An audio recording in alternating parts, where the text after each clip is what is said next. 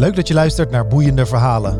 Marianne van het Regionaal Servicecentrum heeft vandaag een heftig verhaal over een melding van mishandeling. De naam van de meldster is niet de echte naam om haar privacy te waarborgen. Je luistert naar boeiende verhalen.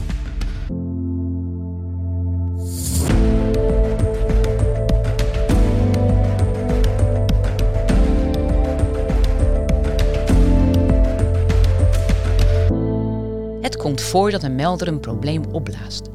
Dat kan hij doen omdat hij er persoonlijk bij betrokken is en daardoor er erg van onder de indruk is. Een andere reden voor het vergroten kan zijn dat de melder vreest anders niet gehoord te worden. Zo kan een verkeerd geparkeerde auto of een kind dat de trap op en afrent mythische proporties aannemen. Maar het omgekeerde gebeurt ook. Ze klinkt kalm en ze stelt zich voor als Eveline. Ze vertelt dat zij eerder op de dag is mishandeld door twee vrienden van haar ex. Het blijkt geen hete daad te zijn. Mijn eerste gedachte is dat ze niet doorverbonden hoeft te worden met de meldkamer en dat ze aangifte kan doen van mishandeling. Maar natuurlijk vraag ik door. Het blijkt dat ze in een blijf van mijn lijfhuis in Groningen verblijft vanwege die ex. Ze is naar Rotterdam gekomen in verband met de verkoop van haar huis. De vrienden van haar ex troffen haar aan bij haar woning en hebben haar mishandeld. Eveline legt uit dat ze twee nog bloedende hoofdwonden heeft. En omdat ik de ernst van de verwondingen vast wil stellen, wil ik van haar weten op wat voor manier deze aan het bloeden zijn. En daar bedoel ik mee gutsen, spuiten, druppelen. Uit haar antwoorden komt naar voren dat het niet levensbedreigend is. En ik stel haar voor om bij een huisartsenpost langs te gaan, maar ze geeft aan daar geen zin in te hebben. Aangezien de mishandeling al eerder op de dag heeft plaatsgevonden en de meldster er heel kalm onder is, adviseer ik haar aangifte te doen in Groningen. En dat is ook omdat zij de volgende dag langs terug zou gaan naar het blijf van mijn lijfhuis.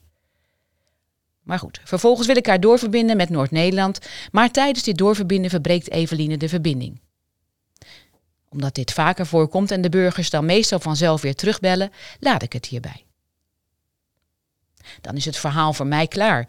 Een mishandeling waarvan aangifte kan worden gedaan, niet meer en niet minder. Maar toch blijft het aan me knagen. En ongeveer een kwartier later kijk ik in de landelijke servicemodule of zij intussen al terug had gebeld naar ons. Ik zie niets staan. Ja, het zit me toch niet lekker. En hierna besluit ik Eveline te bellen om erachter te komen waarom zij niet heeft teruggebeld om een aangifte in te plannen.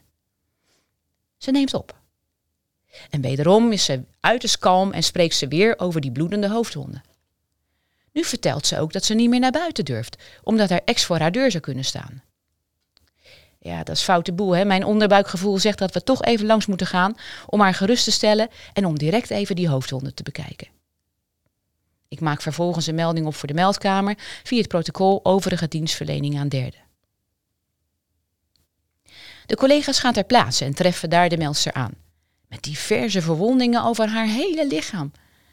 En zij verklaart dat twee mannen, die zij herkende als vrienden van haar ex, met haar de woning in zijn gelopen.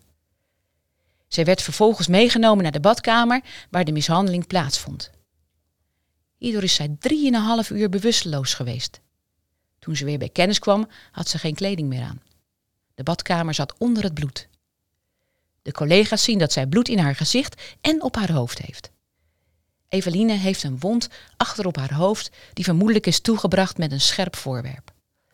Ook heeft zij snijwonden op haar voorhoofd en op haar rechteronderarm. Er zijn diverse snijstriemen in haar nek en verwondingen op haar rug die lijken op brandwonden. Verder is haar lichaam overdekt met blauwe plekken, ook tussen haar benen. Eveline wordt naar het Erasmus Medisch Centrum vervoerd, waar haar wonden worden gehecht collega's van Team Mensenhandel en Prostitutie hebben in het verleden, naar aanleiding van eerdere meldingen, al eens een gesprek gehad met Eveline. Echter wilde Eveline destijds geen politiebemoeienis. Ik hoop echt dat ze dit keer wel onze hulp zal aannemen.